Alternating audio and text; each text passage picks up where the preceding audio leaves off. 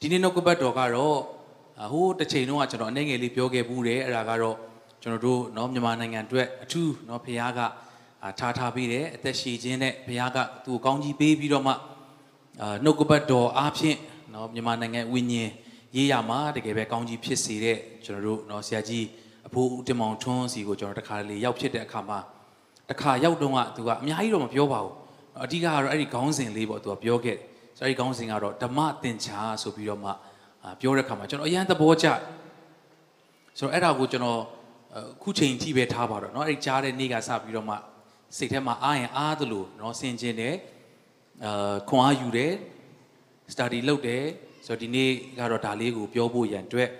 ဘုရားကပြင်ဆင်ပေးတယ်လို့ကျွန်တော်ကခံစားတဲ့အတွက်ဒီနှုတ်ကပတ်တော်ကိုဝေငှမှာဖြစ်ပါတယ်ဆိုတော့သင်္ချာဆိုတော့ဒါကတော့တင်စားတာပေါ့เนาะကျွန်တော်တို့ ဘဝဆိုတာတွက်ချက်ရပါတယ်မတွက်ချက်ပဲနဲ့ဒီတိုင်းပဲနေခြင်းသလိုနေနော်ဘာမှမပြင်းမစင်ဒီတိုင်းပဲတွက်ချက်မှုမရှိဘဲနဲ့နေရင်တော့ဘဝကတော်တော်လေးအခက်အခဲကြုံရတတ်တယ်ဆုံးရှုံးမှုတွေလည်းကြုံရတတ်တယ်ဆိုတော့အတွေ့ချက်တော်တဲ့နော်သူတွေကဘဝမှာတချို့သောကိစ္စတွေမှာတကယ်ပဲကြိုတင်ပြင်ဆင်မှုနော်ပြီးတဲ့အခါဒါအတွေ့ချက်လို့ပြောတဲ့အခါမှာငွေကြေးကြီးပဲမဟုတ်ဘူး နော်ဒီနိုင်ငံတနိုင်ငံမှာတော်လကောင်းနော်တွက်ချက်မှုမိုးလေဝသနဲ့ဆိုင်တဲ့တွက်ချက်မှုနော်စီးပွားရေးနဲ့ဆိုင်တဲ့တွက်ချက်မှုကျန်းမာရေးနဲ့ပတ်သက်ပြီးတော့မှဘလို့နော်ကာကွယ်ရမလဲစသဖြင့်တွက်ချက်မှုတွေကအရန်အရေးကြီးပါတယ်ဆိုတော့အဲ့ဒီတွက်ချက်မှုတွေမရှိရင်လူအနေနဲ့လောကမှာဆုံးရှုံးမှုတွေရှိနိုင်တယ်ဒါပေမဲ့ဒီနေ့မှာကျွန်တော်တို့လေ့လာမဲ့ဓမ္မသင်္ချာဆိုကျွန်တော်ကတော့နော်အဖိုးပြောတဲ့အချိန်မှာနားလည်လိုက်တာကတော့ဒီဝိညာဉ်ရေးရာနော်ကိုပြောခြင်းတယ်လို့ကျွန်တော်ကတော့ခံစားတယ် ဆိုတော့လောကရဲ့သင်္ချာကတော့တစ်နဲ့တစ်ပေါင်းရင်နှစ်ဆိုတာကလောကရဲ့သင်္ချာဖြစ်ပါတယ်နော်တစ်ထဲကတစ်ကိုနှုတ်ရင်ဘာမှမကြံတော့အောင်တုံညပဲကျွင်းတယ်ဆိုတာလောကရဲ့သင်္ချာဖြစ်ပါတယ်ဒါပေမဲ့ဒီနေ့ကျွန်တော်တို့ယုံကြည်သူတွေဟာနော်ဓမ္မသင်္ချာတနည်းအားဖြင့်ဝိညာဉ်ရေးရာနဲ့ပဲကျွန်တော်တို့ကတွက်ချက်ပြီးတော့မှလှုပ်ဆောင်မဲ့သူတွေဖြစ်ပါတယ်ဟာလေလုယာဟာလေလုယာဒီနေ့လောကရဲ့တွက်ချက်မှုတွေကတခါတလေသင်ကိုလေနော်အာတွက်မှဖြစ်မယ်ဟုတ်တယ်တွက်တွက်မှ ဖြစ်မဲ့အရာတွေရှိတယ်မတွက်လို့မရတဲ့အရာတွေရှိပါတယ်ထို့တူပဲသင်ဘလောက်တွက်တွက်လောကသင်္ချာနဲ့တွက်လို့မရတဲ့သင်ရဲ့မိသားစုကိစ္စလောကရဲ့တွက်ချက်မှုခံမှန်းခြင်းတွေရဲ့အထက်မှာကုံသွားပြီဘလို့တွက်ချက်မှမသိတော့ဘလို့မှန်းဆမှမသိတော့တဲ့အဲ့ဒီနယ်ပယ်မှာဒီနေ့ကျွန်တော်တို့ကဓမ္မသင်္ချာတည်ဟူသောတနည်းအားဖြင့်နှုတ်ကပတ်တော်ကိုအခြေခံပြီးတော့မှကျွန်တော်တို့ကဝိညာဉ်ရေးရာမှာအကင်ပါတော်သူတွေဖြစ်ဖို့ဖျားရှိကောင်းကြီးပေးပါစေ ဟာလေလုယာဒါကြောင့်ဒီနေ့ဓမ္မသင်္ချာဒီကောင်းစဉ်လေးကိုကျွန်တော်အရန်ခွန်အားရတဲ့အတွက်အဲယူခြင်းဖြစ်ပါတယ်ဒီကနေ့လဲနော်အဖိုးတင်မောင်ထွန်းကိုအာ credit ပေးပါတယ်တကယ်လဲချစ်ပါတယ်ဆရာကြီးရဲ့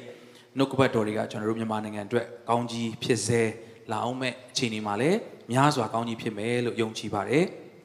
ကျမ်းစာတစ်ခုကိုဖတ်ရအောင်ရှင်မာကုခန်းကြီး30အငယ်20ကနေ22ဖြစ်ပါတယ်ဟုတ်ပြီတွေ့ပြီဆိုဖတ်ရအောင်1 2 3 အရှင်ဖျားထိုပညာရှိသမျှတို့ကို အကျွန်ုပ်သည်ငယ်သောအရွယ်မှစ၍စောင့်ရှောက်ပါပြီဟုလျှောက်ပြန်လင်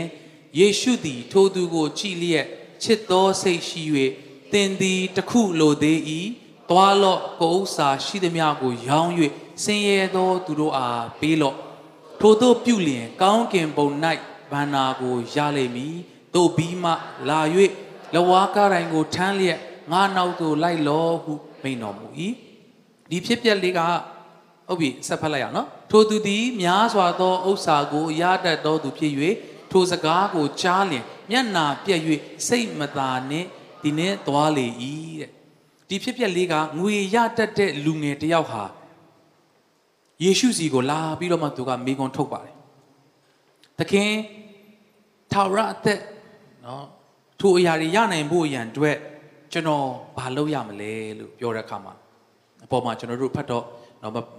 မဖတ်ခဲ့ဘူးအဲ့မှာပြည့်ညက်တွေပေါ့နော်ယေရှုကပြောတယ်ပြောတဲ့ခါမှာ तू ကအဲ့ဒီပြည့်ညက်ရှိသမျှအားလုံးကိုငယ်ရွယ်တဲ့အချိန်ကနေစပြီးတော့မှစောင့်ရှောက်ပါပြီလို့ तू ကပြန်ပြောတယ် तू ကနော်အာရေးလေကျင့်တဲ့လူငယ်ဖြစ်ပေမဲ့ तू ကပြည့်ညက်ချက်တွေအကုန်လုံးကျင့်ထားတယ်ဒီကဏ္ဍလေးကနော်ကျွန်တော်တို့ပြောချင်တဲ့ရှုထောင့်လဲပါတယ်ပြီးတော့ဒါ ဟို main frame မမားအောင်လို့ကျွန်တော်ပြောရမယ်ဆိုရင်ယေရှုကနော်ကျွန်တော်စိတ်ထဲမှာခံစားတဲ့အရာကယေရှုကဘာကိုမိမောင်းထိုးပြတာလဲဆိုတော့ဟိုလူကတော့သူ့ကိုယ်သူ confidence အပြည့်နဲ့လာတာလူငယ်ကတခင်ကျွန်တော်ပြည့်ညက်ချက်အကုန်လုံးကျင့်ပြီးသွားပြီအေးဆေးပဲနော်ကျွန်တော်ထာဝရတဲ့ရဖို့ထိုက်တန်တယ်မလားကျွန်တော်ကျင့်ထားတယ်အကုန်လုံးကျင့်ထားတယ်ဒါပေမဲ့ယေရှုက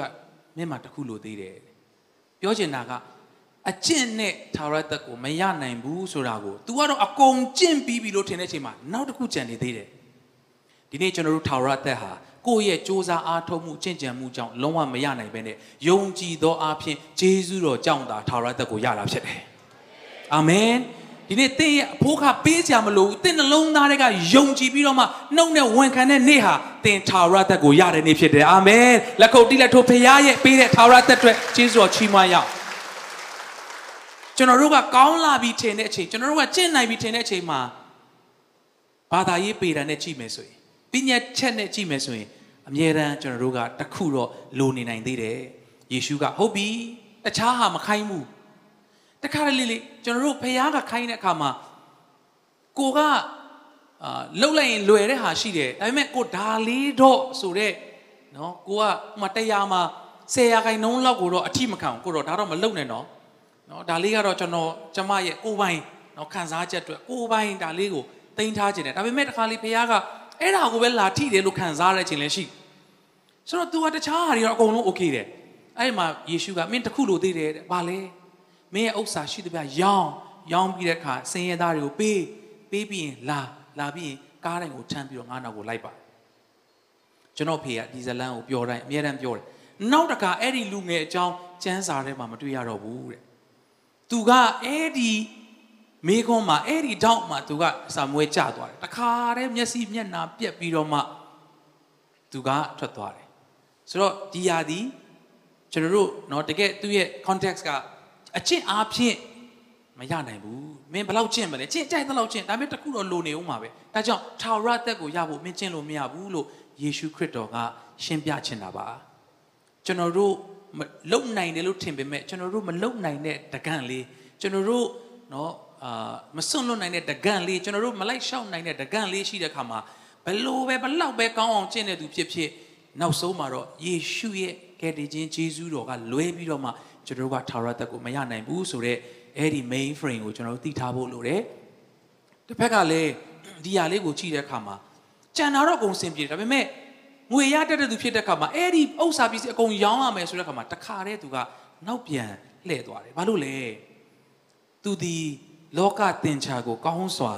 တက်မယ်လို့ယုံကြည်ပါတယ်ဘာလို့လဲဆိုတော့သူဒီငယ်ရွယ်သောသူဖြစ်ပေမဲ့ငွေရတတ်တဲ့သူဖြစ်တဲ့အခါမှာဒါပေးလိုက်ရင်ကုန်သွားမယ်ဒါပေးလိုက်ရင်ဒီလိုဖြစ်သွားမယ်အကုန်လုံးသူသိတယ်သူ့ရဲ့နော်လောကတင်ချာနဲ့သူတွေ့တဲ့အခါမှာအနှုတ်လက္ခဏာတွေကြီးပဲပြကုန်ပြီအကုန်လုံးဆိုတော့ तू က तू မေးတဲ့မေခွန်း အတိုင်းပြန်ပြီးတော့မှညီမချင်းချလိုက်ရင်သူဟာထာဝရအသက်ကိုဥစ္စာပစ္စည်းတွေနဲ့လဲပြီးတော့မှအဆုံးရှုံးခံလိုက်တဲ့သူလို့ပြန်ပြီးတော့သတ်မှတ်လို့ရသွားတယ်။သူဟာလောကသင်္ချာနော်တစ်ဖက်ကန်းခတ်အောင်တော်ပေမဲ့ဓမ္မသင်္ချာဒီဟုသောသူ့ရဲ့ဝိညာဉ်ရေးရာအတွက်တကယ်လွတ်မြောက်မဲ့နေရာမှာတော့သူဟာအောင်မတ်မရခဲ့ရှာဘူး။ဒီနေ့ဓမ္မသင်္ချာမှာအောင်မတ်တင်မကဂုံတူးရသောသူများဖြစ်ဖို့ဘုရားရှင်ကောင်းကြီးပေးပါစေ။ဟာလေလုယာ။ အနာမရှိသူပြောရအောင်ဓမ္မသင်္ချာဂုံတူးထွက်ပါစေလို့ပြောရအောင်အာမင်ကျွန်တော်တို့ရဲ့တွက်ချက်မှုတွေတခါလေကျွန်တော်တို့တကယ်ဖျားပြောမဲ့စကားကိုမကြားတော့အောင်เนาะတဖြည်းဖြည်းနိုင်ငံတွေเนาะတိုးတက်လာတဲ့ကောင်းမွန်လာတဲ့ခါမှာ Sunday လိုမျိုးမှာနော်လူများတွေနားတဲ့အချိန်မှာအလုပ်ဆင်းမယ်ဆိုရင်သုံးဆလေးဆတွေရတကယ်နိုင်ငံကောင်းတဲ့နိုင်ငံတွေမှာ တိုးတက်တဲ့နိုင်ငံတွေမှာလူခွင့်ရအရန်နော်ဟိုတန်ဖိုးထားတဲ့အခါမှာလူတိုင်းကနော်အခွင့်အရေးဒီလိုရအောင်နော်ကျွန်တော်ရောက်ဘူးသလောက်အတိုင်းတာပေါ့လေ2017လောက်ကကျွန်တော်ဩစတြေးလျကိုရောက်တဲ့အခါမှာမဲလ်ဘွန်ကိုရောက်တချို့ downtown တွေမှာတော့ဖွင့်တဲ့ဆိုင်တွေလည်းရှိပါတယ်တိုးတော့ကျွန်တော်တို့ရောက်တဲ့အဲ့နာပတ်ဝန်းကျင်မှာသွားတော့ညနေ9နာရီမှာအာကျွန်တော်တို့ဒီ mall တစ်ခုမှာဇပင်သွားညက်မယ်ဆိုပြီးတော့မှသွားကြတယ်9နာရီပဲရှိသေးတယ်အကုန်လုံးတကားတွေပိတ် shopping mall အားလုံးပိတ်နားမလည်နိုင်ဟာဘယ်လိုဖြစ်တာလဲဆိုတော့တို့ကအာကျွန်တော်ကြားတာမှန်တယ်ဆိုရင်ပေါ့နော်ကျွန်တော်လည်းလူများပြောတဲ့ဟာဆိုတော့သူလူရဲ့အခွင့်အရေးအားလုံးတန်းတူရဈေးရောင်းတဲ့သူလည်းလူပဲဝယ်တဲ့သူလည်းလူပဲအဲ့တော့နော်ရောင်းတဲ့သူတွေကအလုတ်ချိန်နော်၈နာရီကြော်သွားတဲ့ဒီသူကဆက်လုပ်ဖို့ရန်အတွက်ဒါကမဖြစ်သင့်ဘူးအဲ့တော့အလုပ်ချိန်ကြော်ပြီး9နာရီနောက်ပိုင်းဖွင့်ခြင်းဖွင့်ဆိုင်ရရတယ်ဒါပေမဲ့3ဆလောက်2ဆလောက်ပေးရမယ်ဆိုတဲ့အခါမှာဆိုင်ရှင်တွေကလည်းမဖွင့်နိုင် ဆိုတော့ကျွန်တော်တို့အားလုံးကကျွန်တော်တို့ရဲ့နော်လောကရဲ့အမြင်နဲ့လောကရဲ့ right တွေနဲ့ခါလေးကျွန်တော်တို့နော်သွားကြတဲ့အချိန်ရှိတယ်ဒီလူငယ်လေးကလည်းသူ့ရဲ့နော်ဖက်ကနေသူတွက်လိုက်မှာပေါ့ရောင်းအောင်မယ်ဆိုဟာသွားပြီဟိုကလည်းရောင်းဟာဒီလောက်ငါဒါတွေရောင်းလို့ရှင်ငါဘယ်လိုလုပ်မလဲဒါပေမဲ့တွက်ချက်တဲ့အခြေခံတာကဝိညာဉ်ရေးရာကိုအခြေမခံတဲ့အခါတမာတရားကိုအခြေခံပြီးမတွက်တဲ့အခါမှာအနုလက္ခဏာတွေကြီးပဲပြတာဒါပေမဲ့ ဖခင်ရဲ့သဘောတရားကိုနားလည်သွားတဲ့သူတွေအသက်တာမှာတော့ဓမ္မသင်္ချာကိုကျွမ်းသွားတဲ့ပိုင်နိုင်သွားတဲ့သူတွေကဝိညာဉ်ရေးရာကိုအတွက်နော်တွက်ချက်တတ်တဲ့သူတွေကတော့လေအမျက်တွေမြောက်များစွာထွက်တာဖြစ်တယ်ဟာလေလုယာမြင်ရတဲ့အမျက်လဲထွက်တယ်ဝိညာဉ်ရေးရာအမျက်လဲမြောက်များစွာထွက်တယ်အာမင်ဒီနေ့သင်ဒီကိုလာတယ်လောကသင်္ချာနဲ့တွက်မယ်ဆိုရင်အရှုံးကြီးပဲလို့ပြောလို့ရတယ်ကားကားကုန်တယ်အချိန်2နာရီ3နာရီပေးရတယ်ဟာခါးတွေညောင်းနေအောင်ထိုင်ရတယ် နော်ပြီးတဲ့အခါမှာနော်အတက်ဆင်းလုပ်ရတယ်နော်သွားလာရတယ်နော်ပြီးတဲ့အခါနော်ဒါဟိုဟိုအလွတ်သဘောနဲ့အပျော်သဘောနဲ့လည်းပြောတာပါအားလုံးကတော့တကယ် serious နော်ဟိုနှလုံးသားပြည့်နဲ့ထည့်ကြတဲ့အရာဖြစ်တယ်ဥမာတစ်ခါလေးဆိုရင်တော့စဉ်းစားမယ်ဆိုရင်ဟာသွားရသေးတယ်ကားကလည်းကုန်သေးတယ်ဟိုရောက်တော့လူငွေရလည်းထည့်ရသေးတယ်နော်အဲ့လိုတွက်တွက်ချင်တွက်လို့ရသေးတယ်ကျွန်တော်မုံရွာမှာဆိုရင်နော်ဒီဂိယူနာ team တွေကတော်တော်ကြာကြာကလေးရှိတာဆိုတော့အာဂယုနာစင်းရဲသားအတွက်ဘယ်လိုပါညာဟာတောင်းတယ်၅ခုလောက်ရှိတယ်တချို့တွေပြောအဲ့ဖဲကြောင့်မသွားနဲ့သွားရင်တောင်းတယ်အရင်များတယ်တဲ့နော်ပါရီမတ်မသိခေါင်းစဉ်တစ်ခုပြီးတစ်ခုနဲ့အကုန်လောကသင်္ချာနဲ့ဆိုရင်ငါတို့ကဝေးရလဲသွားရသေးတယ်ငါတို့ဒီလိုချိန်နေမှာဒီထဲမှာငါတို့ကထည့်ရသေးတယ်လောကသင်္ချာနဲ့ဆိုအရှုံးကြီးပဲဒါပေမဲ့ဓမ္မသင်္ချာနဲ့ဆိုရင်တော့ခံမှန်းလို့မရလောက်အောင်မြတ်တဲ့သူတွေဖြစ်တယ်ဟာလေလုယာဟာလေလုယာဒါကြောင့်ဓမ္မသင်္ချာနဲ့ အမြဲတမ်းအမျက်ရနိုင်သောသူများဖြစ်ဖို့ဘုရားရှင်ကောင်းကြီးပေးပါစေအနာမရှိသူပြောရအောင်ဝိညာဉ်ရေးရအမျက်ကပို့ပြီးတန်ဖိုးရှိတယ်လို့ပြောရအောင်အာမင်ဒါကြောင့်ဒီလူငယ်လေးဟာနော် तू ကငွေရတတ်တဲ့ချမ်းသာတတ်တဲ့သူဖြစ်တဲ့ခါမှာဒီနေရာလေးမှာ तू ကလှည့်ပြန်သွားတယ်ပျက်စီးပြက်နာပြက်ပြီးတော့မှလှည့်ပြန်သွားတယ်ဒါကြောင့်လောကတင်ချာကတော့ပေးလိုက်ရင်ကုန်သွားတယ်လုတ်ပေးလိုက်ရရင်ကိုကနစ်နာသွားတယ်ကိုကယော့သွားတယ်ကိုကဆုံးရှုံးသွားတယ်လို့ထင်တယ် မုံအားလုံးနဲ့ငားနှကောင်ကလေးလေးကပေးပလိုက်တာပေးလိုက်တဲ့အချိန်မှာ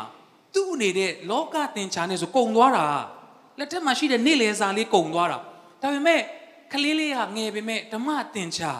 เนาะဒီနေ့ကျွန်တော်တင်စားတာဆိုတော့ဒီစကလုံးလေးကိုခဏခဏကျွန်တော်သုံးပြရစီဆိုတော့ဓမ္မသင်္ချာကိုပိုင်နိုင်တဲ့ကလေးလေးကတော့ယေရှုကိုပေးချလိုက်တာအပြန်မှာ12တောင်းနဲ့အေးအေးဆေးအိမ်ပြန်သွားရတယ်ဟာလေလုယာဟာလေလုယာ ဟာလေလုယာလက်ခုပ်တီးလက်ဖျားကိုချီးမွမ်းရအောင်အာမင်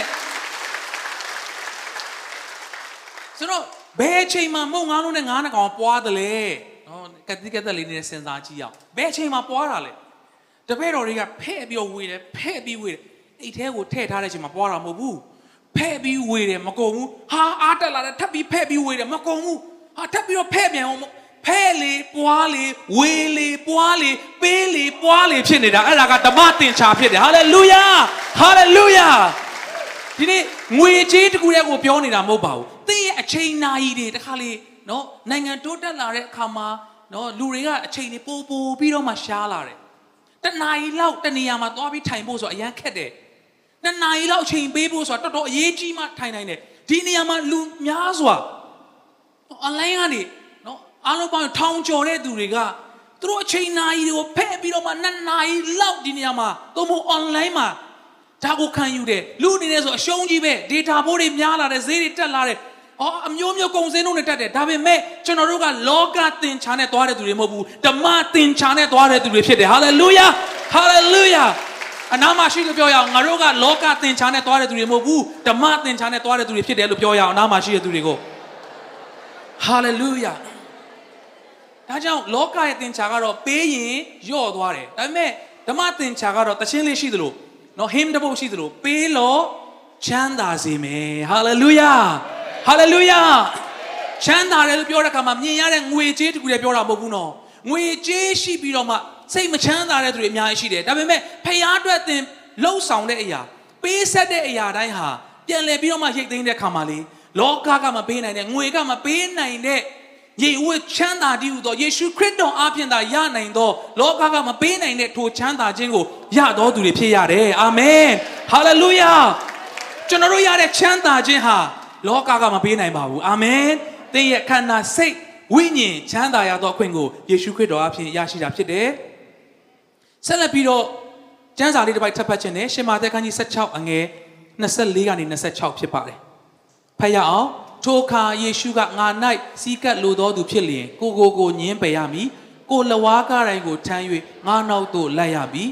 အကျဉ်သူသည်မိမိအသက်ကိုကယ်ဆယ်ခြင်းငါအလိုရှိထိုသူသည်အသက်ရှုံးလိမ့်မည်အကျဉ်သူသည်ငါကြောင့်အသက်ရှုံး၏ထိုသူသည်အသက်ကိုတွေ့လိမ့်မည်လူသည်ဤစัจ java ကိုအကျွမ်းမဲ့အစိုးရ၍မိမိအသက်ဝိညာဉ်ရှုံးလင်အဘယ်ကျေးဇူးရှိသနည်းမိမိအသက်ဝိညာဉ်ကိုဘယ်ဥစ္စာနှင့်ရွေးနိုင်သနည်းတခါလေဖျားနဲ့သွားတဲ့အခါမှာလေ လောကနဲ့လုံးဝဆန့်ကျင်ဘက်ဖြစ်ပြီးတော့မှကိုကဟာတာကြီးကိုဖြစ်လို့ကိုကအယူကြီးလိုဖြစ်လို့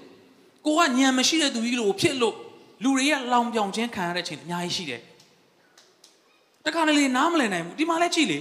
အချင်းသူဒီမိမိတက်ကိုကယ်ဆယ်ခြင်းကအလိုရှိသို့ထိုးသူဒီအသက်ရှုံးလိမ့်မည်ဘလို့ကြီးလဲကိုအသက်ကိုကယ်ဆယ်ခြင်းနဲ့သူကရှုံးမယ်တဲ့အေးဒါပေမဲ့ငါကြောင့်အသက်ရှုံးတယ်ဆိုရင်တော့ထိုသူကအသက်ကိုတွေ့လိမ့်မယ်တဲ့တခါလေ ကျွန်တော်တို့ဓမ္မသင်္ချာကပြောင်းပြန်ကြီးတွေထွက်တယ်ကျွန်တော်တို့အုံနောက်နဲ့တခါလေကျစဉ်းစားလို့မမိနိုင်ဘူးဒါပေမဲ့နှုတ်ကပတ်တော်ကပြောတဲ့အတိုင်းအပြင်မှာလောကရဲ့သင်္ချာတွေနော်ဘလို့မျိုးတွက်ချက်ရင်ဘလို့မျိုးဖြစ်မယ်ဆိုတာတွေသိနေတဲ့ဂျားတွေကနေပဲသင်ဒီနေရာမှာယုံကြည်ခြင်းနဲ့ဓမ္မသင်္ချာဒီဟူသောတမာတရားအတိုင်းတွက်ချက်ပြီးတော့တမာတရားပြောတဲ့အတိုင်း နော်ဥမာကြောက်တင်ချာတွက်မယ်ဆိုလဲဘယ်နီးကိုယူပြီးတော့တွက်မယ်ဆိုတာရှိဆိုတော့ကျွန်တော်တို့နော်တွက်ချက်တဲ့အခါတိုင်းမှာကျွန်တော်တို့ရဲ့အသက်တာထဲမှာထိုတမာတရားကိုအခြေခံပြီးတော့မှကိုယ့်ရဲ့စီးပွားရေးအတွေ့အကြုံရတွက်တာမဟုတ်ကိုယ့်ရဲ့နော်ဒီအသက်အရွယ်ရအတွေ့အကြုံနဲ့တွက်တာမဟုတ်တော့ဘူးဒီတမာတရားအတိုင်းကျွန်တော်တို့ကခြေလန်းလှမ်းတဲ့အခါမှာသင်မှန်းဆလို့မရနိုင်တော့အောင်အံ့ဩပွေသောအရာတွေများစွာကျွန်တော်ရရှိတာဖြစ်တယ်အာမင် ဆိုတော့တခါလေလောကရဲ့အမြင်နဲ့ပြောင်းပြန်ဖြစ်နေတတ်တယ်အာဗြဟံအသက်တာကိုကျွန်တော်ဆက်ကြည့်မယ်ဆိုရင်နှစ်ပေါင်းများစွာသူ့မှာစောင့်ခဲ့ရတာဟာသားရမယ်ဂရိတော်ပေးတယ်ပြီးတဲ့ခါကျတော်နဲ့မရပြန်ဘူးနောက်ဆုံးမှနော်အသက်တရာပဲပြည့်တော့မယ်နောက်ဆုံးမှရသွားတယ်ရပြီးတော့မှနော်ဒါမြင်အောင်ကြည့်ပါအသက်တရာလောက်မှသားကိုရဘလောက်ပျော်မလဲအာ တစ်ချိန်လုံးနော်ကျေးဇူးတော်ချီးမွမ်းနေမှာပေါ့တခြင်းလေးတကြောကြောနဲ့စင်းလေးဆိုပြီးတော့မှသူ့သားလေးကိုကြည်မွားဖြစ်နေမှာပေါ့ဒါပေမဲ့တစ်ချိန်မှာဘုရားကမင်းရဲ့တယောက်တည်းရှိတဲ့သားကိုငါ့ကိုပြန်ပူဇော်ကွာနားမလည်နိုင်ဘူးလောကသင်္ချာနဲ့တွေ့ရင်အရှုံးကြီးပဲတခါလေလေဖះနဲ့သွားတဲ့ခါမှာနော်ဒီမှာရှိတဲ့လူငယ်တွေချွတ်ရှိလိမ့်မယ်ချို့တွေပြောလိမ့်မယ် မင်းတို့ဒီလောက်တန်ဖိုးရှိတဲ့အချိန်တွေကိုအဲ့လိုမျိုးကြီးတစ်ချိန်လုံးဆူတောင်းဟာတစ်ချိန်လုံးဖះပဲလုံးမနေနဲ့လက်တွေ့ကြတာလဲလှုပ်လို့အပြောခံဘူးမယ်လို့ထင်တယ်ကျွန်တော်လည်းပြောခံဘူးတယ်လက်တွေ့ကြတာလှုပ်လေမင်းတို့ဒါတော့မတွတ်တတ်ဘူးလားဒါတွေတော့ဒီလိုမစင်စားတတ်ဘူးလားမင်းဒီလိုဆိုရင်မင်းတို့ရှုံးတော့မယ်မင်းတို့ဘဝကြီးကဘာမှဖြစ်လာမှာမဟုတ်တော့ဘူးဒါပေမဲ့လေဓမ္မသင်္ချာဖယားထဲမှာစိုက်ပျိုးတဲ့သူကဘယ်တော့မှအမိမမနေရဘူးဟာလေလုယာဟာလေလုယာ အဲ့ဒါဓမ္မသင်္ချာရဲ့ရလက်ဖြစ်တယ်ဟာလေလုယာဒီနေ့တမန်တရားတိုင်းသာသွားပါလူတွေကဟာမင်းကအဲ့ဒါမလုပ်သင့်ဘူးဟာလုပ်သင့်တယ်အဲ့ဒါတွေနားမထောင်နဲ့တမန်တရားပြောတဲ့အတိုင်းသာသွားပါနောက်ဆုံးအဖြေရလက်ကဓမ္မသင်္ချာတိုင်းတွက်တဲ့အဖြေကသာသင်တွက်ထာဝရစိတ်ချသေးကြသောအဖြေကိုရမှာဖြစ်တယ်အာမင်နော်ဆိုတော့ကျွန်တော်တွက်ချက်တဲ့အခါမှာငွေကြေးပဲမဟုတ်ပါဘူးဟာယေရှုကသူ့အတူတည်တာငါနဲ့ပါဆိုင်လဲအဲ့လိုတွက်နေတယ်ဆိုရင် အဲ့လိုတွက်ချက်တယ်ဆိုရင်ကျွန်တော်တို့တို့အဝေးကြီးဖြစ်နေတာဒါပေမဲ့နော်ဓမ္မသင်္ချာဝိညာဉ်ရေးရမှာတွက်ချက်လာတတ်တဲ့အခါမှာချိတ်ဆက်မှုတွေရှိလာတယ်။အော်ယေရှုကငါ့အတွက်အသေးခံတယ်။ဟောတကယ်ဆိုရင်တော့ငါ့ကိုဖန်ဆင်းတဲ့ဖခင်ကိုငါကမသိဘဲနေနေပေါင်းများစွာနေခဲ့တာ။ဟာအခုမှငါသိရတယ်ချို့နှောင်းတရတယ်ဝိညာဉ်ရေးရနဲ့သဘောပေါက်သွားတဲ့အခါမှာဒါပေမဲ့လောကရဲ့တွက်ချက်မှုနဲ့တွက်တဲ့အခါမှာကိုနဲ့ဘာဆိုင်လို့လဲဘာမှမဆိုင်ဘူးအာငါကအဝေးဒါပေမဲ့ ဝိညာဉ်ရေးရမှာသဘောပေါက်လာတဲ့အခါမှာအားလုံးကအမျက်ဖြစ်လာတယ်လူတွေရှုံးတယ်လို့ထင်တဲ့ຢာကကိုယ့်အတွက်အမျက်တွေကြီးပဲလူတွေတားရှုံးတယ်လို့ထင်ရလေကိုယ့်အတွက်အယမ်းမျက်လေဖြစ်နေတာဟာလေလုယာဒီနေ့သင်ပတ်ဝန်းကျင်မှာတမာတရားနဲ့တွက်လို့လူတွေကရှုံးတယ်လို့ထင်တဲ့ချိန်ဟာသင် invest လုပ်နေတဲ့အချိန်ဖြစ်တယ် hallelujah hallelujah သင်တစ်ချိန်မှာကြီးမားစွာသောအမျက်ကိုရရှိမှာဖြစ်တယ်အာမင် ဟာလေလုယာထိုကဲ့သို့ဝိညာဉ်ရေးအမျက်မြောက်များစွာရရှိဖို့ဖျားရှင်ကောင်းကြီးပေးပါစေလက်ခုပ်တီးလက်ဖျားကိုချီးမွမ်းကြရအောင်အာမင်ဆိုတော့အာဗြဟံကိုရတာမှမကြသေးဘူးမင်းရဲ့တယောက်တည်းသောသားကိုငါ့ကိုပေးပါတယ်ဟာလူအနေနဲ့ဆိုရင်တော့ရှုံးမယ်ဒါပေမဲ့အာဗြဟံတက်ကြွစွာသူကမနဲ့ထသုံးရက်ခရီးသွားပြီးတော့မှတောင်ပေါ်မှာသူ့သားကိုပူဇော်ဖို့ရန်တယ်နော်ဟန်ရေးပြမဟုတ်ဘူးနော်တကယ်ကိုတတ်ပြီးတော့မှမိရှို့ပြီးပူဇော်ရမှာ လောကတင်ချာရဆိုရင်ရှိတဲ့သားလေးတော့ကုန်ပြီကိုရောရဲ့ဒါမှန်တိအလုတ်ရှုပ်ခံပြီးတော့မှနှစ်ပေါင်းများစွာဂရိတွေပေးကိုဟာတွေလှုပ်တရားကျွန်တော်မှစောင့်ပြီးရဒါအမြအစကလေးဘာလို့ပေးနေသေးလဲပေးနေနေပေါ်လို့လောကတင်ချာနဲ့တွက်မယ်ဆိုရင်အဲ့လိုပဲပြောရမှာအလုတ်ရှုပ်ခံပြီးတော့မှကျွန်တော်မှဟိုသွားလိုက်ဒီဟာတော့ဒီရောက်လိုက်တဲ့ဒီကလေးတယောက်ရတာမှဘာမှမကြသေးဘူးတင်လောကတင်ချာနဲ့ဆိုရင် complaint တက်စရာတွေကြီးပဲဒါပေမဲ့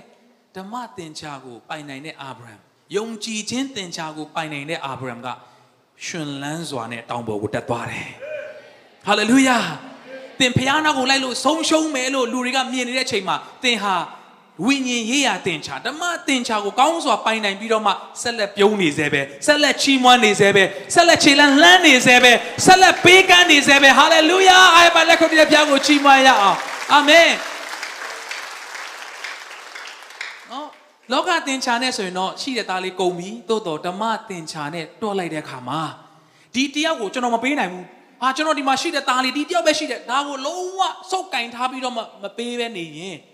ဤစက်နဲ့ပဲပြီးရင်ပြီးသွားလိမ့်မယ်ဒါပေမဲ့လောကသင်္ချာကိုမေ့ထားပြီးတော့မှဝိညာဉ်ရေးရနဲ့တွက်ပြီးတော့ကိုရောဖျားဆိုပြီးပေးလိုက်ကိုရောပေးတဲ့သားပဲကိုရောကိုပြန်ပေးလိုက်တဲ့အခါမှာတယောက်ပဲဆက်ထိန်ထားရင်တယောက်ပဲရမယ် အဲ့ဒီတယောက်ကိုဖျားတောင်းတဲ့အချိန်မှာစွန့်လွတ်လိုက်တဲ့အချိန်မှာလေလူအများကြီးရဲ့ဖခင်ဖြစ်သွားတယ်အာဗြဟံကဟာလေလုယာသင်စုပ်ကင်ထားရင်သင်လက်ထဲမှာကင်လို့ရတော့တဲ့ဟာလေးပဲရှိမယ်ဖခင်ကလွတ်ချလိုက်လို့ပြောတဲ့အခါမှာမြေကြီးပေါ်မှာမျိုးစေ့ကိုလွတ်ချလိုက်တဲ့အခါမှာကြီးမားစွာသောရိတ်သိမ်းခြင်းတွေရောက်လာတာဖြစ်တယ်ဟာလေလုယာဟာလေလုယာအနာမှာရှိသူပြောရအောင်လွတ်ချတဲ့အချိန်မှာလွတ်ချလိုက်ပါလို့ပြောရအောင်နားမှာရှိတဲ့သူကိုအာမင် ဘာလို့လဲဆိုတော့မျိုးစေ့ကိုလက်ထက်မှာကင်ထားပြီးတော့မှညာလဲအိတ်အိတ်ရင်နဲ့စုပ်ထားကင်ထားနော်မနဲ့ထားတော့ဒါပဲကင်ထားဟာငါမှဒါပဲရှိတယ်မဖြစ်သေးဘူးဒါပဲကင်ထားရင်ဘယ်တော့မှပင်ပေါက်လာမဟုတ်ဘူးအပင်ပေါက်ဖို့အတွက်ပထမဆုံးခြေလမ်းကလွတ်ချရတယ်အာမင်ဟာလေလုယာလောကရဲ့အသင်္ချာကတော့စုပ်ထားနော်ကင်ထားနော်လှုပ်ထားနော်ကိုရတဲ့ဟာ in hand ကအရေးကြီးတယ်ကင်ထားရအောင်ယူထားဖခင်ရဲ့ဓမ္မသင်္ချာကတော့ပေးလိုက်ပါအာမင်မုံငါးလုံးနဲ့ငါးနှကောင်မြင်အောင်ကြည့်လိုက် ဖဲလီ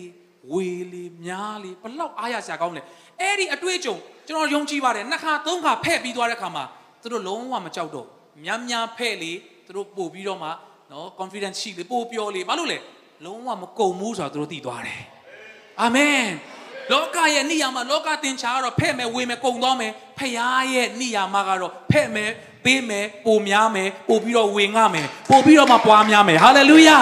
အဲ့ဒီသင်္ချာကိုပိုင်နိုင်ပြီးမှဒီကနေပြန်သွားပါဟာလေလုယာဟာလေလုယာဖခင်အရန်ကောင်းမြတ်တယ်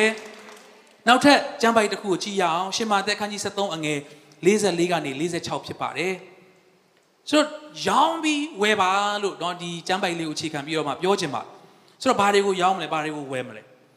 သူဖတ်ရအောင်တနည်းကကောင်းကင်နိုင်ငံတော်သည်လယ်၌ဝတ်ထားသောဘန္နာကိုတွေ့တော်သူသည်တဖန်ဖုံးအုပ်၍ဝမ်းမြောက်သောစိတ်နှင့် သွားပြီးလျင်ရတတ်သမျှကိုရောင်း၍ထိုလယ်ကိုဝယ်တတ်၏တနည်းကကောင်းကင်နိုင်ငံတော်သည်မြတ်သောပလဲတို့ကိုရှာသောကုံတယ်နှင့်တူ၏ထိုကုံတယ်သည်အလွန်အဖိုးထိုက်သောပလဲကိုတွေ့သောအခါသွား၍မိမိ၌ရတတ်သမျှကိုရောင်းပြီးလျင်ထိုပလဲကိုဝယ်လေ၏ဆိုတော့လောကရဲ့အပေါ်ယံအမြင်နဲ့ဝိညာဉ်ရေးရအမြင်ကိုယေရှုကရှင်းပြတာဖြစ်ဆိုတော့ကောင်းကင်နိုင်ငံကဘာနဲ့တူလဲတဲ့လေ၌ဝတ်ထားတဲ့ဘန္နာအဲ့ဒါနဲ့တူတယ်တဲ့ အဲ့ဒါကိုတွေ့တဲ့သူကတပံဖုံးအုပ်ပြီးတော့ဝမ်းမြောက်သောစိတ်နဲ့သွားပြီးလင်ရတတ်သမျှကိုရောင်း၍ထိုလဲကိုဝယ်တတ်ဒီနေ့တင့်ဘေးနားမှာเนาะတင့်ပတ်ဝန်းကျင်မှာအရင်เนาะထားပါတော့အိမ်ကောင်းတစ်ခုရှိမယ်အဲ့ဒါကြီးကိုရောင်းပြစ်မယ်လူတယောက်ကအာရောင်းမယ်ကဲအမြန်ရောင်းမယ်အမြန်ရောင်းမယ်ဘာလုပ်မှလဲဟိုးเนาะထားပါတော့တနေရအဲ့ဒီဟိုစပားတွေပဲစိုက်တဲ့ ထားပါတော့အဲ့ဒီလေကွက်ပေါ့အဲ့ဒီလေကွက်လေးတစ်ကွက်ဝယ်ခြင်းလို့အဲ့ဒီလေကွက်ကိုဝယ်ခြင်းလို့ဟမ်မင်းရဲ့ဒီအိမ်ကြီးကိုရောင်းပြီးတော့မှဟိုလေခွက်ကိုသွားဝယ်မယ်မင်းဘာလို့အဲ့လောက်ကြောင်တောင်တောင်အတွေးခေါ်တွေကိုနော်အတိတ်ပဲမရှိရရှောက်တွေးနေမင်းအုံနောက်ကောင်းသေးရလားမင်းအိမ်ကပိုတန်ဖို့ရှိရလေအိုးလေခွက်ကဘာလို့မှလဲကြည့်လိုက်စမ်းဟိုမှာဘွက်တွေနဲ့ချိုင်းခွက်တွေနဲ့ဘာမှလည်းတန်ဖို့မရှိဘူးရေတွေနဲ့ရှွန့်နေနဲ့မင်းဒီမှာချစ်မင်းအိမ်ကအရန်ကိုလှပနေတာဒါကြီးရောင်းပြီးဟိုဟာဝယ်မယ်မင်းအဲ့လောက်အသလား ဒါပေမဲ့ဒါကလောကရဲ့တင်ကြားဝိညာဉ်ရေးရာနဲ့ကြည့်တဲ့အခါမှာကျွန်တော်တို့ကထိုကဲ့သို့ပါပဲလှုပ်တင်တာတွေတချို့ကိုကျွန်တော်တို့ကမလှုပ်ဘဲနဲ့ဖျားခိုင်းတာကိုလှုပ်တဲ့အချိန်မှာတချို့သောသူတွေကမင်းဒီရှွန့်ပွက်တွေကြားထဲမှာဘာလုပ်နေမှလဲဟိုမှာပို့ပြီးတော့ကောင်းတယ်လေနော်ဟိုဟာပို့ပြီးတော့မှမဆုပ်ကင်ထားတင်ဘူးလားကျွန်တော်ဟိုရင်တော့ကလည်းပြောဘူးပါတယ်ကျွန်တော်ငယ်ငယ်တုန်းကမုံရွာမှာเนาะကျွန်တော်တို့ ਨੇ တည်တဲ့မိသားစုတစုရှိတယ်သူတို့အိမ်ကအာနေရာလေးလည်းကောင်းပါတယ် ဆိုတော့အဲ့ဒီဟာအဲ့ဒီရှိတဲ့တန်ဖိုးထက်ပိုများတဲ့တန်ဖိုးနဲ့တစ်ချိန်မှာဟာနိုင်ငံခြားသားတွေဂျပန်တွေလားဘာလားအဲ့လိုဖွဲ့လိုက်နှစ်ဖွဲ့သုံးဖွဲ့လာပြီးတော့မှအဲ့အိမ်ဝယ်ဖို့ဒီအိမ်ကိုရောင်းပါနော်ထားပါတော့ကျွန်တော်တို့ငယ်သေးတော့တန်ဖိုးတော့မသိဘူးအဲ့ချိန်မှာသိန်း100လောက်ပေါက်တယ်ဆိုရင်တို့ကသိန်း900ဟာနောက်တစ်ယောက်လာပြောကျွန်တော်900ပေးမယ်1000ပေးမယ်အဲ့လိုဖြစ်ကုန်တာ100လောက်တန်တဲ့မြေကွက်မြေနေရာကို900တွေ1000တွေဖြစ်နေတာအလူရက်နော်နိုင်ငံခြားသားတွေတစ်ပွဲတစ်ပွဲလာပြီးတော့ကြည်အာ ဝါချီတရားချီပြီးတဲ့ခါကဝဲမယ်ဝဲမယ်နှစ်ဖွဲသုံးဖွဲဖြစ်နေတာဟာဘာဖြစ်တာလဲအင်ရှင်ကလည်းအံ့ဩလာတယ်ငါတို့မြေကွက်လေးကငါတို့အိမ်က100နေရာပဲတန်တာဘလို့ပြုလို့အခု900 600 1000လေးနဲ့လာရောင်းတာလေသူတို့နားမလည်နိုင်ဘူးဒါပေမဲ့တဖြည်းဖြည်းစုံစမ်းတဲ့ခါမှာနော်ဒါကျွန်တော်တို့ပုံမြင်လို့ကျွန်တော်ပြောခဲ့ရတာပေါ့ဆိုတော့ဂျပန်ခေတ်တုန်းကလားဒီဒုတိယကမ္ဘာစစ်တုန်းကထင်တယ်တကယ်ရတနာပစ္စည်းတွေတန်ဖိုးရှိတာတွေကိုသူတို့ကပြန်ပြီးတော့မှနော်စုတ်ခွာသွားတဲ့အချိန်မှာတည်သွားလို့မရတော့တနေရာမှာမြုပ်ခဲ့တယ် အဲ့ဒီမြုပ်တဲ့နေရာကသူတို့ရဲ့အိမ်အောက်ဖြစ်မယ်လို့ခံမှန်းရရှိသွားတယ်ရရှိတဲ့ခါမှာအဲ့ဒီဖွဲ့တွေကတစ်ဖွဲ့ပြီးတစ်ဖွဲ့တန်တာကအိမ်က100လောက်ပဲတန်တယ်ဒါပေမဲ့1000ပေးမဲ့သူနဲ့နော်ဟာဘလောက်ပေးမဲ့အပြိုင်ဆိုင်ဖြစ်နေတာဘေးကကြားတဲ့သူတွေအံ့ဩတာဟာဒီ100လောက်ပဲတန်တာကို900ပေးတယ်ရောင်းလိုက်တော့ရောင်းလိုက်တော့အာခဏနေဦးပြောနောက်တစ်ယောက်900 900ဖြစ်ပြန်အောင်ဟာ1000တာဥမာပြောပြတာပေါ့နော်အမောင်းတိကြတော့ကျွန်တော်လည်းမသိဘူးအဲ့လို့ဆိုအများကြီးမတန်ဆတွေပေးပေးပေးတဲ့ခါမှာ နောက်ဆုံးအင်ရှင်တွေကနေကျွန်တော်တို့ထင်ထားတာရောင်းပြစ်မယ်လို့ထင်တာအဲ့ဒီအိမ်ကိုလုံးဝမရောင်းနော်အားတယ်လို့ထင်လားဘယ်လိုထင်လဲတော့မသိဘူးကျွန်တော်တို့ကတော့နော်ငယ်တော့ဆိုအမောင်ကြီးကလေကြားတစ်ခုလိုချိန်ဆိုတိန်းကိုတိန်းအဲ့လိုမျိုးလောက်ထင်ပါတယ်ကျွန်တော်ထင်တာလေအရက်များတယ်လို့ဒါပေမဲ့မရောင်းဒီမြေကွက်ဒီလောက်ရတာရောင်းလိုက်လေဘာမှမြင်ရတယ်မို့ဒါပေမဲ့မြင်ရတာရဲ့အောက်မှာ မမြင်ရတာကပိုတန်ဖိုးရှိနိုင်တယ်ဆိုတာသိလာတဲ့ခါမှာလုံးဝမရောတော့ဘူးအာမင်ကျွန်တော်တို့ကမြင်ရတာကိုရန်တန်ဖိုးထားတယ်မမြင်ရတာရဲ့နောက်ကယ်မှာမမြင်ရတော့ထာဝရနဲ့ဆိုင်သောအရာကိုပိုတန်ဖိုးထားကြရအောင်ဟာလေလုယာနာမရှိလို့ပြောရအောင်မမြင်ရတဲ့အရာကတစ်ခါလေးပိုတန်ဖိုးရှိတယ်လို့ပြောရအောင်အာမင်ဆိုတော့သူတို့မယောင်းမဲနဲ့เนาะအဲ့ဒီအိမ်ကိုသူတို့လေသူတို့သူတို့ဒီတ ကယ်เนาะစင်မြင့်အစီဟိုခင်မီနီးပညာတွေနဲ့သူတို့တူးဖော်တယ်ဆိုတာလေးကျွန်တော်သိရတယ်ဒါနောက်ပိုင်းကတော့သူတို့ရဲ့ personal ဖြစ်တဲ့အခါမှာကျွန်တော်တို့ဆက်ပြီးတော့မှပြောအာပြောစရာမရှိဘူးပေါ့နော်ဆိုတော့သူတို့လုံးဝမယောင်းဘူးဘာလို့လဲဒီတန်ဖိုးကိုသူတို့သိသွားဝယ်ကြတဲ့သူကလည်းတရားတန်တယ်လို့ထင်ပေမဲ့ဒီမြေကိုမကြည့်တော့ဘူးဒီမြေကအဓိကမဟုတ်တော့အဲ့မြေအောက်မှာရှိတဲ့ပိုတန်ဖိုးရှိတဲ့အရာဒါကြောင့်ဒီနေ့သင်အချိန်နေဟာဒီလောက်တန်ဖိုးရှိတာကွာအဲ့မှာသွားပြီးမင်းနှစ်နာရီလောက်တော့ဘာမှလည်းမဟုတ်ဘဲနဲ့တော့အစုလေးတောင်းပါဘာလို့မှလဲ ဒါကအပေါ်ယံကိုပဲမြင်တဲ့သူတွေကျွန်တော်တို့ကဓမ္မသင်္ချာနဲ့သွားတဲ့သူတွေကဟိုးအောက်မှာရှိတဲ့တန်ဖိုးရှိဆုံးသောထာဝရနဲ့ဆိုင်သောຢာကိုနားလေတဲ့သူတွေဖြစ်တယ်ဟာလေလုယာဒါကြောင့်လူတွေကဘလောက်ပဲအားတယ်ပြောပါစေဘလောက်ပဲယူတယ်ပြောပါစေကျွန်တော်ကတော့ဓမ္မသင်္ချာနဲ့ပဲဆက်သွားမယ်ဟာလေလုယာလူတွေကတော့အယံကိုကြောင်းတယ်အယံကိုမစင်စားတတ်ဘူးမတွက်ချက်တတ်ဘူးလို့ထင်ပါစေကျွန်တော်တို့ကတော့ဓမ္မသင်္ချာနဲ့ပဲဆက်သွားရအောင်ဟာလေလုယာအနာမရှိလို့ပြောအောင်ဓမ္မသင်္ချာနဲ့ပဲဆက်သွားရအောင်နော်လို့ပြောရအောင် အာမင်နော်ပြီးတဲ့ခါမှာနော်ဟိုရင်တော့ကလည်းပြောဘူးပါတယ်နော်ကျွန်တော်တို့ဖားကန်တွေပဲရောက်တဲ့ခါမှာကျွန်တော်တို့နော်မိတ်ဆွေလောဘန်တယောက်ကအိမ်မှာနေနေနဲ့အာသူဆိုင်ကယ်လေးနဲ့လာပြီးတော့လောဘန်လောဘန်ကြောက်ပြအောင်မယ်ဆိုပြီးတော့ဆိုင်ကယ်လေးနဲ့လာပြဟာကျွန်တော်တို့ကအဝေးကနေလမ်းပြီးတော့စဉ်းစားတဲ့ခါမှာဟာကြောက်ဆိုတော့ကြောက်စိမ့်ဆိုတော့မြင်တာနဲ့ကိုစိမ့်နေရမယ်ကျွန်တော်တို့ကနော်လုံးဝစိမ့်နေမှာပဲကြောက်စိမ့်အဲ့လိုမျိုးပေါ့ဒါမဲ့တဲလာတော့ကြောက်တူးတဲ့သူတွေလည်းရွှွန်တွေဘွက်တွေနဲ့ဆိုင်ကယ်တဖုတ်ဖုတ်နဲ့ဝင်လာပြီးတော့မှလောဘန်ကြောက်ပြအောင်မယ် ပြလိုက်တော့ကျွတ်ကျွတ်ကြီးတဲ့အရေးတဲ့ထွက်ဘွက်ဘွက်ရည်တွေနဲ့အဲ့ဒါကြည့်ထုတ်လိုက်တော့ကြောက်ခဲကြီးတစ်လုံးကျွန်တော်အမြင်နဲ့ပြောတာပါကြောက်ခဲကြီးတစ်လုံးရွှွန့်ဘွက်တွေနဲ့ဟာအဲ့ဒါလောအဲ့နော်လောဘန်လည်းမျက်လုံးအယောင်အောင်တောက်သွားဟာဟိုကြည့်ပြီးအဲ့အဲ့ရှုံခဲယူပဲနော်ဘေးကကျွန်တော်တို့တော့ရှုံခဲပဲဟာရေထိုးပြီးတော့ဟာအမအကြာကြီးညှိကြပြီးတော့ပြန်သွားတော့ဟာတဲ့ဆရာကြီးတဲ့မိုက်တယ်တကယ်ကောင်းတယ်ကြောက်တယ်ဘယ်လောက်ပေးရလဲသိန်း690 အဲ့ဒီကျွန်းသုံးကြီးကို690ပေးတယ်နားမလဲတဲ့ခါကျတော့အာဟုတ်ကောဟုတ်ဝဲလားမသိဘူးနော်ဒါပေမဲ့အဲ့ဒီရှွန့်ပေရင်နေတဲ့တန်ဖိုးမရှိလို့ထင်ရတဲ့ဟာရဲ့အောက်မှာတကယ်တန်ဖိုးရှိတဲ့ကြောက်ကိုနားလေသွားတဲ့ကုံတယ်ကတော့သိန်း900 600တောင်မနှမျိုးဘာလို့လဲအဲ့ဒါကပို့ပြီးမြက်မဲ့ဟာဖြစ်တယ်ဆိုတော့ तू ကသိတဲ့အတွက်ဖြစ်တယ်အာမင်ကျွန်တော်တို့လောကအရာတွေထက် ပိုပြီးမြက်မဲ့ဝိညာဉ်ရေးအောင်နားလေသွားတဲ့ခါမှာလောကအရာတွေကကျွန်တော်တို့တဘာမှမဟုတ်တော့ဘူးဟာလေလုယာလောကအရာတွေကကျွန်တော်တို့ကိုမချုပ်ကင်နိုင်တော့ဘူးဟာလေလုယာဘာလို့လဲကျွန်တော်တို့ကထာဝရနဲ့ဆိုင်သောအရာကိုပိုတန်ဖိုးထားသောသူတွေဖြစ်တယ်အာမင်ဟာလေလုယာ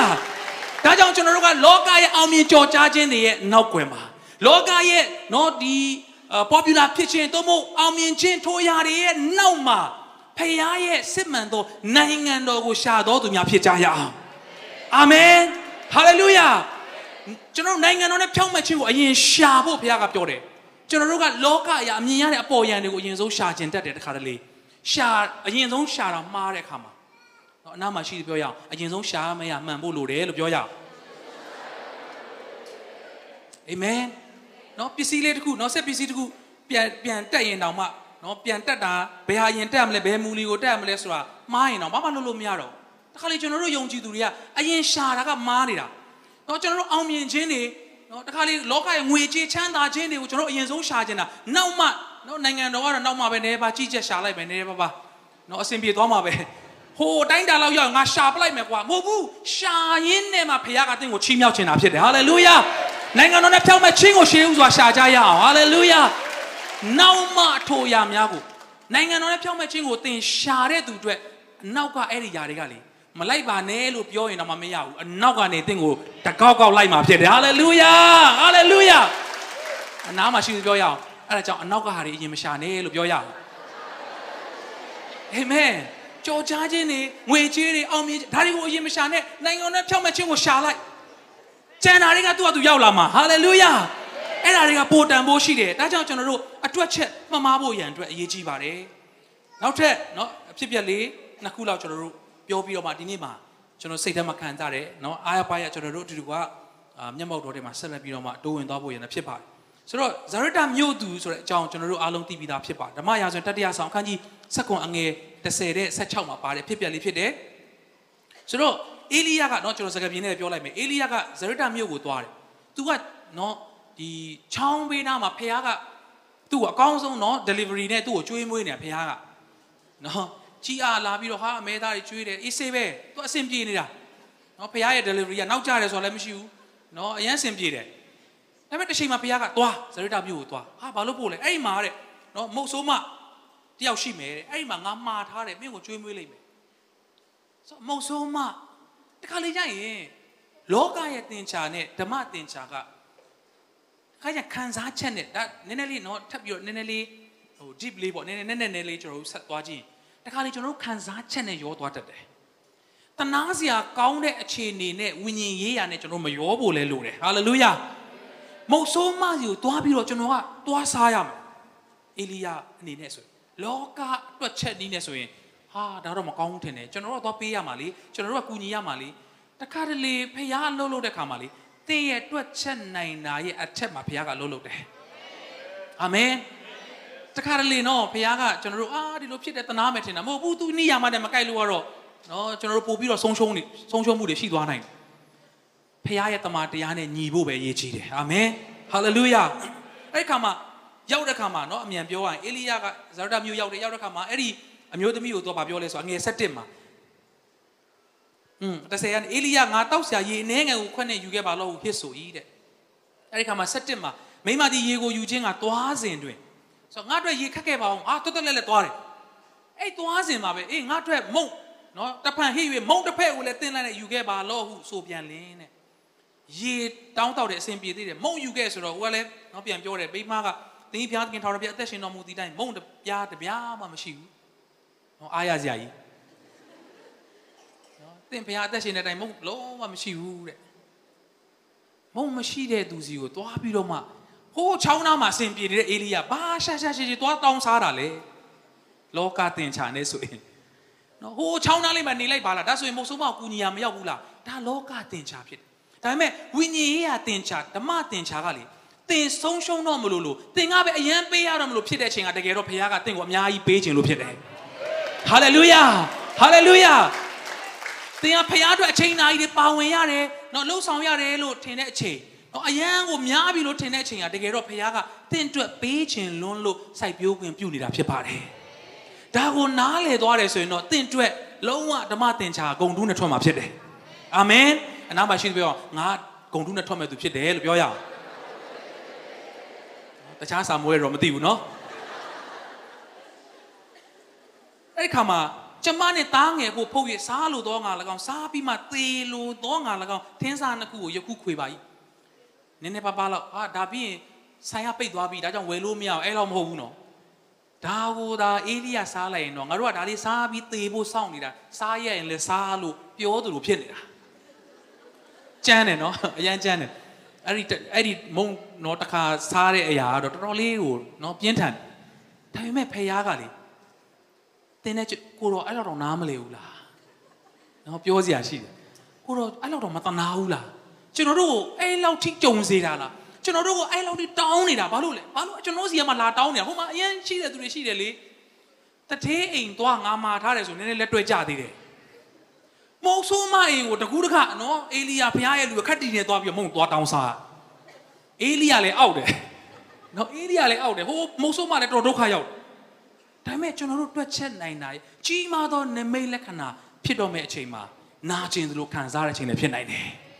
ကြက်တဲလုံးတဲ့အချိန်လည်းဖြစ်နေတယ်ဒါပေမဲ့မပူပါနဲ့။မိုးလင်းကန်ဒီချိန်ကအမောင်ဆုံးချိန်ဖြစ်တယ်။ဟာလေလုယာ။သင်ပိသားစုကမိုးလင်းကန်ဒီချိန်မှာအမောင်ဆုံးလို့ထင်ရပေမဲ့မကြခင်မိုးလင်းတော့မှာဖြစ်တယ်။ကျွန်တော်နိုင်ငံအတွက်ဖြစ်တယ်ကျွန်တော်အသင်းတော်တွေအတွက်ဖြစ်တယ်မိသားစုတွေအတွက်ဖြစ်တယ်လက်ခုပ်တီးလက်ဖျားကိုအာပါချီးမွမ်းကြရအောင်ဟာလေလုယာဟာလေလုယာဒါနဲ့အေလိယကမစိုးရိမ်နဲ့တဲ့နော်ဆိုတဲ့အတိုင်းသွားလိုက်ပါတဲ့နော်မုံတပြားကိုအရင်လှုပ်နော်ပြီးမှတင်းရဲ့သားငယ်ဖို့လှုပ်ပါတဲ့ဟာ တော်တော်ရက်ဆက်သလိုဖြစ်နေတာနော်တကူပြီးတကူစဉ်းစားမယ်ဆိုရင်လေမုံလှုပ်တာတော့မှငါတို့အရင်လှုပ်ပြီးမှမင်းသားအတွက်လှုပ်ဆိုတော့နော်တော်တော်လေးတော့နော်စဉ်းစားခက်တယ်တိုးတော်လည်းပဲအဲ့ဒီမှာသူကဘုရားခိုင်းတယ်လှုပ်တယ်လှုပ်တဲ့အခါမှာအငယ်ဆက်လေးမှာဖတ်ကြည့်အောင်သူတို့ကဣသရေလအမျိုးကြီးဘုရားသခင်ထာဝရဘုရားမိန်တော်မူသည်က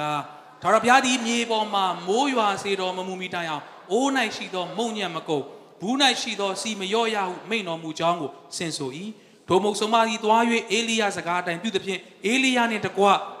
ကိုယ်တိုင်မှစား၍အိမ်သားတို့သည်အင်တန်ကာလပတ်လုံးစားကြ၏ထာဝရဘုရားသည်အေလိယအားမိန်တော်မူသောစကားအတိုင်းအိုး၌ရှိသောမုံညံမကုတ်ဘူး၌ရှိသောစီမရော့ဟာလေလုယာဟာလေလုယာဒါကိုကျွန်တော်တို့ကသိရင်တော့စောစောပေးနိုင်တာပေါ့ဒါပေမဲ့ဟိုးအဖြေထွက်မဲ့ဟာကိုမသိတဲ့အခါမှာလောကသင်္ချာနဲ့တွက်ပြီးတော့ကျွန်တော်တို့ကမပေးရဲမလုတ်ရဲ မသွားရဲခြေလမ်းမလန်းရဲဖြစ်နေတာဒီနေ့လောကသင်္ချာရဲ့အထက်မှာဓမ္မသင်္ချာကိုနေရာပေးပြီးတော့မှဖခင်ကသွားပါငါသားငါသမီးဆိုရင်ယုံကြည်ခြင်းနဲ့သွားလိုက်ပါအာမင်လှုပ်ပါလို့ပြောတဲ့အခါမှာယုံကြည်ခြင်းနဲ့လှုပ်လိုက်ပါအာမင်ဟာလေလုယာဒီကျွန်တော်တို့ရဲ့အသက်တာထဲမှာလောကရဲ့သင်္ချာနဲ့တွက်ချက်မယ်ဆိုရင်လုံးဝ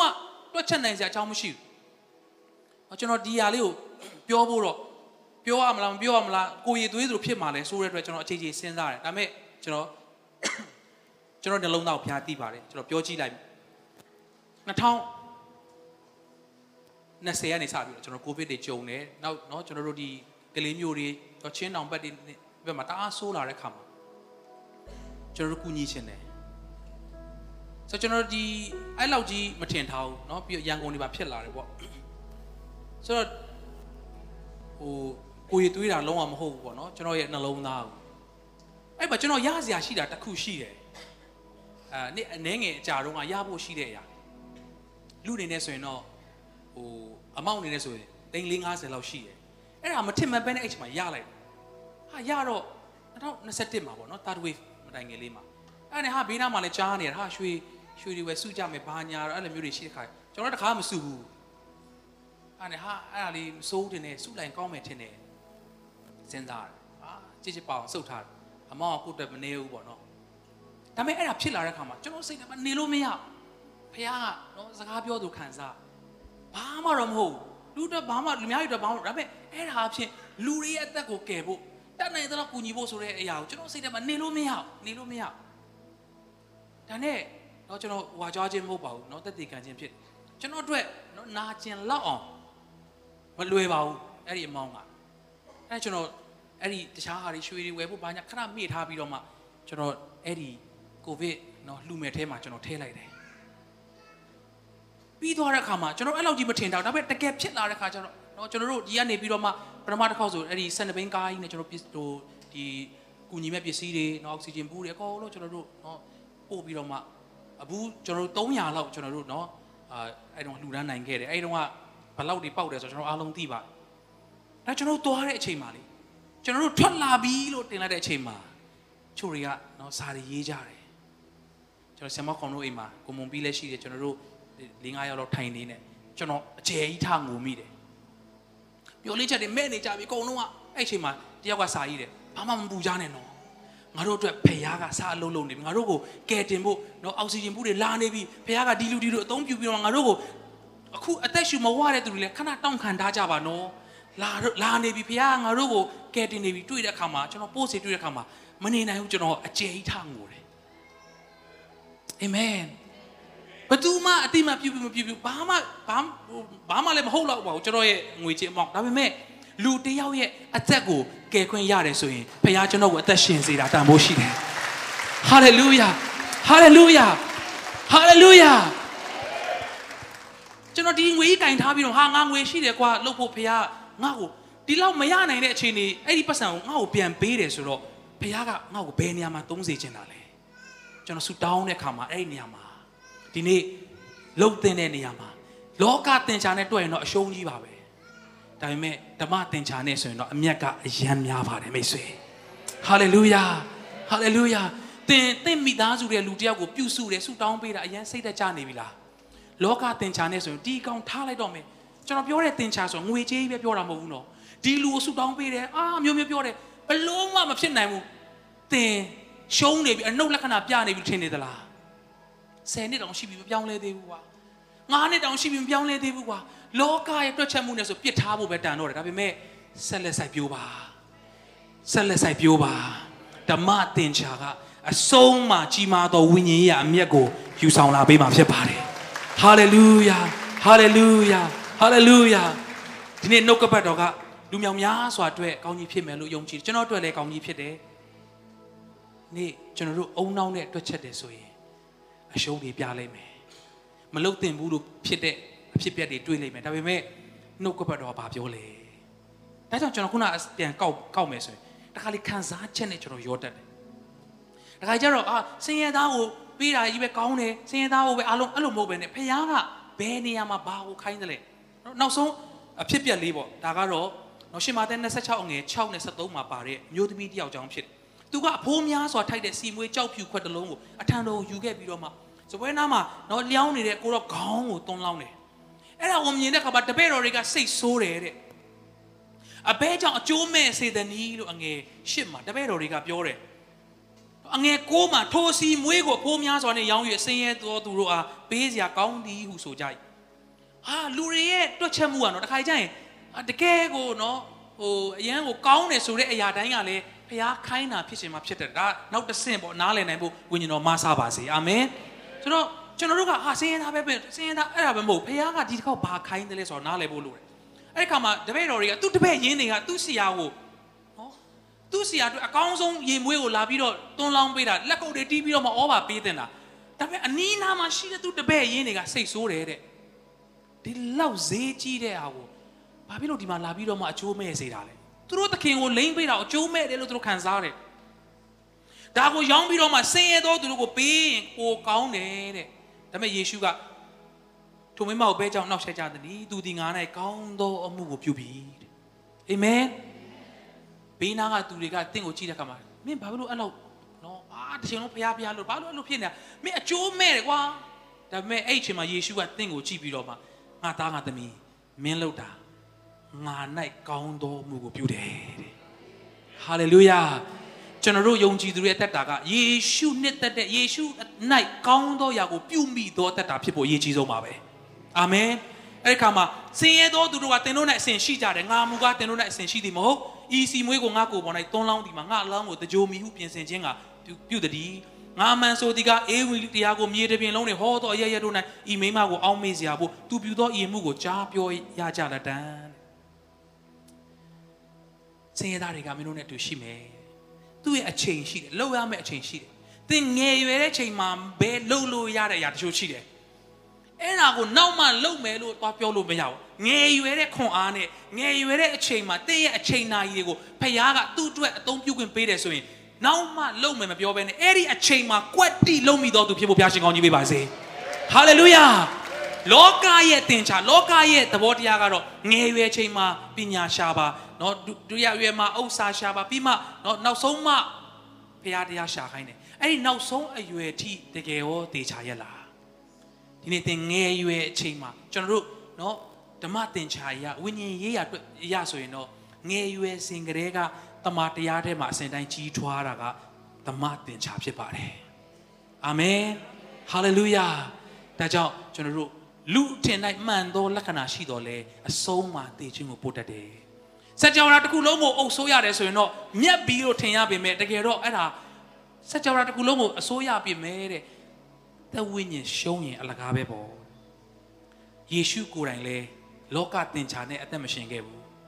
ကားတိုင်းပေါ်မှာဘသူမှကတော့သူ့ကိုအာအထင်မကြီးတော့ဘူးလုံးဝဘာမှမလုပ်တတ်တဲ့သူတယောက်လိုဖြစ်နေတယ်တကယ်ဆိုရင်လောကသင်္ချာနဲ့ဆိုရင်ဒီကောင်သွားပြီးရှုံးပြီးဒါပေမဲ့အဲ့ဒီရှုံးတယ်လို့လူတွေတွက်ချက်နေတဲ့အချိန်မှာတကယ်ဝိညာဉ်ရေးရမှာတင်တဲ့ကျွန်ုပ်ကိုစတင်မေးဖွားစေတဲ့အချိန်ဖြစ်တယ်တင်တဲ့ကျွန်ုပ်ကိုကယ်တင်ခြင်းရရှိစေတဲ့အချိန်ဖြစ်တယ်ဟာလေလုယာလက်ခုပ်တိလက်ထိုးဘုရားကိုချီးမွမ်းကြရအောင်အာမင်